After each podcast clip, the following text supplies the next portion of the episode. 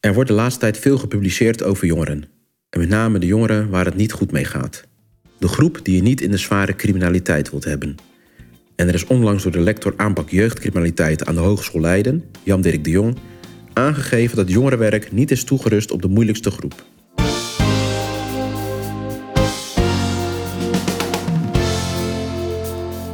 Welkom bij het Schaap met de Vijf Poten podcast. In deze podcast ga ik in gesprek met inspirerende personen die als alleskunner een bijdrage leveren aan een leefbare en veilige buurt, wijk, stad. Hierbij kan worden gedacht aan aanpak van jongerenoverlast, aanpak van drugscriminaliteit en handel daarin en probleem achter de voordeur aanpak. Dit doe ik door het delen van tips, handigheidjes, interviews en bespreken van praktijksituaties. Ik ben Gerald Denijn, de host van deze podcast en verbinder in de samenwerking binnen het sociaal domein, leefbaarheids- en veiligheidsdomein. Ik wens je veel luisterplezier.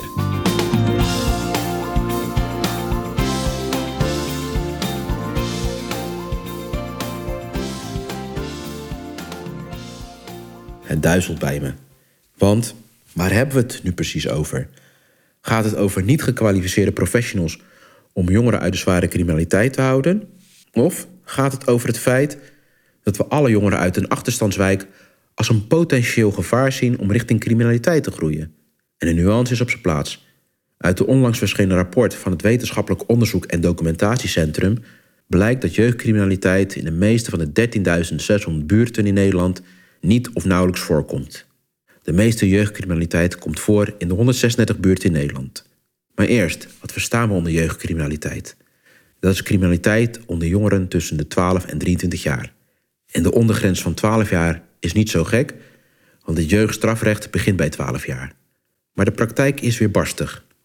Ik neem je mee naar mijn werk voor gemeente Rotterdam anno 2007. Als een van de trekkers van het stedelijk programma Veilig op School werd ik ingelicht over de zogenaamde kelderboksaffaires in Rotterdam-West. Een aantal jongens hadden een minderjarig meisje gedwongen tot seksuele handelingen in een kelder. De jongste dader zat op de bovenbouw van het basisonderwijs. Volgens mij was hij toen 9 of 10 jaar oud. Heel jong, heel heftig, heel veel trauma en schade bij iedereen, zowel bij de daders als de slachtoffers. Met dit voorbeeld wil ik eigenlijk aantonen dat de leeftijdscategorie van daders jonger werd. Dat was toen al en die trend is gewoon ingezet en blijven inzetten. Anno 2022 zie je dat de jeugdcriminaliteit qua cijfers daalt. Maar als het gaat om de ernst en de leeftijdscategorie van de daders, dat wordt steeds jonger en de ernst van de daden heftiger. Toen ik in gemeente Zoetermeer de bestuurlijke opdracht kreeg om een criminele jeugdgroep samen met partners aan te pakken, stond ik ook voor zo'n voldongen feit. Want we wisten op basis van cijfers dat de daders jonger waren dan 12 jaar. We wisten dat we fors moesten investeren in preventie. We wisten dat we fors moesten investeren in een levensloopaanpak. Dat wil zeggen, wat je inzet qua interventie moet niet alleen maar gericht zijn op het hier en nu. En voor een jaar, het moet een doorkijk hebben voor vier jaar, vijf jaar, maar ook over tien jaar. En daarmee kun je ook veel beter anticiperen op wat heeft zo'n persoon nodig en het gezin nodig. Uiteraard natuurlijk met de flexibiliteit om te kijken hoe de ontwikkeling in positieve zin gaat. Maar voordat ik zover ben om dat uit te leggen, wil ik wel toch duidelijk maken van in wat voor speelveld ik terecht kwam. Want ik kwam terecht in een speelveld waar gekibbeld werd tussen partijen over jongeren. Aan tafel zaten diverse partijen. En er waren ook verschillende rangen en standen, van uitvoerders tot managers. Dus het overleg ging ook alle kanten op. En er was ook geen eenduidige taal, was ook geen duidelijk doel van het overleg. En wat me opviel, was dat de voorzitter, de wijkmanager, eigenlijk helemaal geen tijd had om zo'n overleg voor te zitten. Die had helemaal geen tijd om een criminele jeugdgroep aan te pakken. Die had helemaal geen tijd om te weten welke interventies er voorhanden zijn en hoe dat gecombineerd vanuit partners ingezet konden worden op een persoon, een jongere en of het gezin. Ik had het geluk dat ik een bestuurlijke opdracht had en ik kon gaan bouwen aan een nieuwe samenwerking, aan een nieuwe overlegstructuur. En belangrijk was dat ik natuurlijk eerst moest weten in de praktijk, wat komt men nou tegen? Op een goede dag liep ik mee met jongerenwerk om te ervaren hoe zij zich manifesteren in de wijk. Ze waren inderdaad gericht op activiteit te geven. Niet de vraag was leidend, maar het aanbod. En op mijn vraag wat ze met signalen deden over armoede of crimineel gedrag onder jongeren, daar bleef ze mij het antwoord schuldig. Dat was voor mij ook wel een eye-opener. Want er waren genoeg partners die daar ondersteunend konden zijn of informatie konden verstrekken. Dus dat is ook iets wat georganiseerd moest worden. Wat was nog meer nodig om aan de slag te gaan, om een team te vormen? Voordat je interventies echt kan gaan inzetten, is het ook belangrijk dat je goed afspreekt met partijen wie welke rol heeft. Het is niet een makkelijke opgave, maar wel een noodzakelijke opgave. Ik ging als volgt te werk. Ik maakte een onderverdeling tussen eigenlijk de partners. Een onderdeel was het strafrecht. Daar vatte ik het Openbaar Ministerie onder, dan wel de zaaksofficier, de politie, jeugdreclassering en reclassering. Onderdeel gemeente, dat was voor mij het openbare orde en veiligheid, werken inkomen, sociaal domein en beheer openbare ruimte. Onderdeel welzijn, daar stond ik onder opbouwwerk, jongerenwerk, maar ook de woningcorporatie. En daar gaf ik ook de inwoners een plek. Want de inwoners zijn wel een heel belangrijke partner en speler. Niet zozeer bij je structurele overleg, maar wel als informant over de stand van zaken binnen wijk. Oftewel, hoe ik het altijd noemde, de thermometer erin stoppen in de wijk om te kijken van hoe goed gaat het of hoe spannend is het. Onderdeel zorg, denk aan jeugdzorg, en onderdeel onderwijs van het primair onderwijs tot aan het MBO. En op basis van die onderverdeling had ik al snel genoeg door dat informatie in eenheden bleef, dus eigenlijk in kokers bleef hangen en niet met elkaar gedeeld werd. We hadden een convenant, dus we konden dat gewoon delen. We waren gedekt. Dus we gingen dat ook met elkaar organiseren. En dat vroeg ook om een andere manier van vastleggen van informatie. Geen boekwerken, maar heel simpel. Iedere kolom en iedere kolom kon aangeven of onderdeel van welke interventie het best zou passen bij een gezin of een jongere. En het hoofddoel was, het moest levensloopbestendig zijn. Oftewel, keken naar meerdere jaren vooruit. Want uiteindelijk moet het effect hebben dat iemand perspectief krijgt, dat het beter gaat, dat er kansen worden gecreëerd. Er was ook een belangrijk onderdeel van de werkwijze. En dat was zeg maar het onderdeel vanuit het strafrechtgedeelte. Het OM samen met de politie, die gaan daarover. Het was in het begin ook heel lastig om er als gemeente tussen te komen. En toch is het gelukt, want je hebt uiteindelijk hetzelfde belang, hetzelfde doel. Misschien op een andere manier nadat je naartoe werkt, maar je hebt het ook over dezelfde dossiers. Dus we moesten wel samenwerken. En samen met de zaaksofficier van het OM, de jeugdcoördinator vanuit de politie en ik waren we een strategisch clubje. Daar bespraken we wat voor de gemeente was. En die ik samen met, dan met partners kon pakken, bijvoorbeeld sociaal domein ook. En wat voor het OM politie was. En die schifting was prettig, want dat is ook wel je basis wat je als gemeente moet organiseren. Dan kan je ook veel beter focus aanbrengen. Want ergens moet je gewoon een knip maken. Je kan niet alles oppakken als gemeente. Daar heb je ook niet de instrumenten voor de wettelijke taken, et cetera. En we kwamen als strategisch clubje eens in de zes weken een uurtje bij elkaar. En met de jongeren waar geen strafzaak tegen was. Dat betekent niet dat het OM en de politie daar geen weet van had. Maar we gingen wel afstemmen van hoe dat eruit kon zien. En dat nam ik mee onder mijn arm naar de partners die daarover konden gaan. En we keken ook echt gedegen van wat is nu handig? Wat is voor de persoon het gezin goed? Wat is voor de directe woonomgeving goed? Wat is goed voor de buurt? En zo pelden we het af. En we keken echt welke interventie had veel meer effect op het, op het buurtniveau, soms op stedelijk niveau. En welke interventie was zelfs regionaal. Zover gingen we. En misschien een, interessant voorbeeld was dat er een waarschuwingsgesprek geïnitieerd werd. En bij jongeren X en het gezin. En de wijkagent en jongerenwerker hadden toen besloten van dat gaan we samen doen. Want we zien dat de jongeren graag, dat de jongen graag iets wil doen. Maar we zien ook dat hij heel erg vatbaar is voor die criminele grotere jongens in de wijk. En het waarschuwingsgesprek liet ook zien hoe preventie en repressie samenwerkten. Het was gewoon beeldend, je zag het gewoon. En een topgesprek, het lukt nooit in één keer, dat is een utopie. Maar het feit dat twee partijen vanuit twee verschillende soorten disciplines samenwerken en elkaar aanvullen, dat is gewoon heel sterk. De woningcorporatie, een partij die best wel vaak wordt vergeten in zo'n totaalaanpak, tijdens van criminaliteit, die was eigenlijk heel goed bezig. Zij had op een gegeven moment een overlastgevend gezin. De jongere die werd door de, door de politie in de gaten gehouden. De politie had niet genoeg feiten om door, op door te pakken. De corporatie had wel genoeg qua dossiervorming als het ging over de overlast die het gezin veroorzaakte. Het onderdeel zorg was ook al bij het gezin betrokken, maar het liep niet, want ze hielden zich niet aan afspraken. De corporatie heeft toen een laatste kanscontract ingezet. En niet om de personen of het gezin uit de woning te willen halen, maar vooral omdat de zorg een nieuwe kans zou krijgen. Nou, dat is een heel mooi voorbeeld van hoe je dus gezamenlijk kijkt van wat voor kans kunnen we bieden.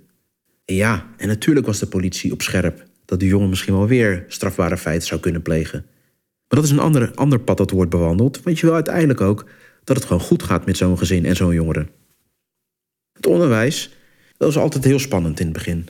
Want het onderwijs was in eerste instantie veel meer gericht op, maar wij hebben geen problemen. En de problemen die zich voordoen binnen de schoolmuren kunnen we zelf oppakken. In een rap tempo kwamen de problemen eigenlijk boven water. En het bleek dat ze er gewoon geen raad mee wisten. Signalen konden ze niet wegzetten. Ze wisten ook niet bij wie ze het weg konden zetten. Dus het was ook heel belangrijk dat we kennis maakten met elkaar. En dat er ook veel meer nummers werden uitgewisseld, contactgegevens. Daar begint het gewoon bij. Weet wie je partners zijn in de wijk. Dan kun je ook veel meer stappen zetten. Kun je betere interventies inzetten. En we hebben speciaal voor het onderwijs vroegsignaleringsoverleg opgetuigd. Met dank aan de jeugdcoördinator van de politie, kwam uit haar koker. Want dat was een hele slimme interventie. En zo zie je ook maar weer, de politie die voornamelijk eigenlijk vanuit repressie zou denken, dacht in het kader van vroegsignalering al. Dus je zag ook wel de kentering in hoe je nou samen kon gaan werken en hoe je elkaar kon verstevigen. En hoefde het niet per se de koker van een bepaalde partner te komen die over preventie gaat. Nee, het was een repressieve partner die dit bedacht. Top, goed zo. En een mooi voorbeeld hierbij is dat er bij een gezin zorg waren over financiën. De school constateerde dat. Ze waren eigenlijk ja, klaar met het gezin. Klaar in die zin, ze konden niet verder. Opbouwwerk kwam in beeld vanuit de vroegsignaleringsoverleg. En zij hebben aangeboden om met het gezin in gesprek te gaan. De school vond het een goed idee. Die hebben toestemming gevraagd om dat te organiseren aan het gezin. Dat was oké, het lukte en het gezin werd ook echt geholpen. En de kinderen die werden ondersteund om naar sport bijvoorbeeld te gaan. Terwijl de oudste zoon in het traject zat vanwege strafbare feiten. En zo zie je, het kon gewoon samengaan. Niks aan de hand. Maar het feit dat we alles goed inzichtelijk hadden, dat de kolommen goed per gezin, per jongere, goed ingevuld waren, wist men van: oké, dit zit er nu aan te komen, dit wordt nu al ingezet voor het gezin. Oh, we zien dus dat er naast de jongen die al in een strafrechttraject zit, zien we dus dat de broertjes en zusjes ook aandacht nodig hebben. Nou, dan kun je veel beter ook gaan werken aan een totaalaanpak en aan een levensloopbestendige werkwijze. Sorry, aanpak. Zo hadden we echt een goed draaiende samenwerking. En waar ik dankbaar gebruik van maakte, was ook de indeling die de politie gebruikte. Zij, maakte, zij hadden de volgende indeling: kerngroep, ambitieuze, meelopers, facilitators. Een kerngroep, daar moet je bij denken aan jonge, jongeren, jongvolwassenen die al zo ver in de criminaliteit zitten, maar ook die zo alles bepalend zijn in de wijk of in de buurt of in de, in de stad of in de regio. Daar kan alleen maar het OM en de politie ja, een weerwoord tegen bieden. Uh, er zijn ook gasten die ook echt zo al bezig zijn met hun criminele carrière. Daar helpt een, een interventie zoals samen met jongerenwerk nog een, een leuk gesprek hebben, werkt niet. En dan moet je jongerenwerk ook helemaal niet op inzetten. Daarmee wil ik ook toch wel teruggrijpen over het artikel van Jan-Dirk de Jong, of het onderzoek van Jan-Dirk de Jong. Je moet deze groep, de jongerenwerkers, daar helemaal niet voor inzetten. Ambitieuze. Dat zijn de jongeren die opkijken. zijn vaak de jonge jongens die opkijken tegen die jongvolwassene criminelen. En die ambitieuzen worden ook vaak ingezet voor criminele doeleinden in de wijk of in de buurt. Maar die zijn soms slimmer of handiger. En een aantal zitten eigenlijk al in die kerngroep. Dus die twee groepen die zijn zo dicht tegen elkaar dat het meer OM-politiewerk is. Maar natuurlijk met als achtervang het sociaal domein. De gemeente, de jongerenwerk, opbouwwerk, wel als achtervang. En ook perspectief bieden. Maar soms is het werkt het gewoon niet om op, om, om, om op ambitieus te investeren. Meelopen is altijd een hele interessante groep, want er zijn... die weten het eigenlijk nog niet. Zo heb ik het altijd voor mezelf vertaald. Die weten het nog niet. Om allerlei redenen vinden ze het spannend om mee te doen. Om kleine criminele activiteiten. Denk aan een fietsendiestalletje. In een winkel wat stelen. Het begint altijd heel klein. Daar kun je nog wel wat mee. Maar ook daar vraagt het ook echt om te weten van... op welk moment werkt het gewoon niet meer om interventie in te zetten waarbij ze kansrijk nog zijn. Dat moet je iedere keer met elkaar aftasten. En een, een categorie die, waar, ik, waar ik toen de tijd weinig van wist, maar wel heel belangrijk is, zijn de facilitators. De mensen, de, de personen, misschien wel de vaders of moeders, die het gedrag van deze jongeren in stand houdt. Als er spullen worden gestolen, dat ze, zoals het technisch heet, koud worden gezet op zolder, dus bijvoorbeeld bij een ouder. Daar moet je ook ingrijpen. En daar heb je ook de corporatie kaart voor nodig. Want ja, de, de facilitators houden bepaald gedrag en een bepaalde werkwijze gewoon in stand. Als het gaat om criminaliteit, tegenwoordig heet het ondermijning. What's in a name, maakt mij niet zoveel uit. Het gaat erom, wees daar wel bedacht op in je aanpak. En daar moet je ook echt fors op investeren. En dat kan ook door middel van informatie verstrekken, maar ook gewoon te laten zien aan de buurten van de wijk. Tot hier is de grens en niet verder. En als laatste, je zal naast het persoons- en gezinsgericht werken ook in de buitenruimte iets moeten doen en investeren. Wat wij toen hadden gedaan was, de kerngroep was op een gegeven moment achter tralies. Wij hadden als ambitie om ervoor te zorgen dat als ze weer terugkwamen in hun eigen wijk of buurt, dat het van dag en dag verschilde. Dat wil zeggen, ze kwamen terug en de wijk zag er beter uit. Er was, het zag er opgeruimd uit. Jongeren die gewoon lekker buiten aan het spelen waren. Dat wilden wij bereiken uiteindelijk als zij in de achtertralies zaten. Vaak zie je dat het groen ook niet aantrekkelijk is. De openbare verlichting niet werkt. Dus daar, daar hebben we ook op geïnvesteerd en, en aangewerkt. En de combinatie van dit alles heeft binnen twee jaar resultaat opgeleverd. Dat is mooi, zou je zeggen.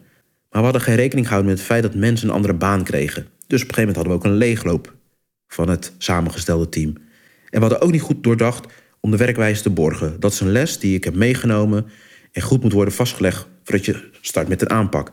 Dus wees daar gewoon echt op bedacht van hoe gaan we dat borgen. En dat moet je niet doen op het moment dat je met de aanpak bezig bent, maar moet je aan de voorkant al bedenken hoe willen we het borgen. Leefbaarheid en veiligheid in een buurt, wijk, stad. Er zijn grote begrippen waar iedereen wel een bepaald beeld bij heeft en een mening. En wie wil er nou niet wonen, werken, ontspannen in een leefbare en veilige buurt, wijk, stad? Er zijn de alleskunners, zoals een wijkagent, burgemeester, leerkracht, handhaver, jongerenwerker, gemeenteambtenaar die samen met inwoners en ondernemers voor een leefbare en veilige buurt, wijk, stad gaan. In de podcast Het Schaap met de Vijf Poten komen verschillende zienswijzen, methodieken, tips en handigheidjes aan de orde. Waar jij je voordeel mee kan doen hoe een buurt, wijk, stad leefbaarder en veiliger wordt. Ben je enthousiast? Abonneer je op deze podcast en laat een review achter. Hoe meer reviews worden ontvangen, hoe meer mensen deze podcast vinden. Zo zorgen we samen voor het delen van kennis en kunde om de leefbaarheid en veiligheid in de buurten, wijken, steden te vergroten. Het schaap met de vijf poten. Deze podcast wordt je aangeboden door Gerald Denijn, de verbinder in het samenwerken binnen het leefbaarheids- en veiligheidsdomein en het sociaal domein.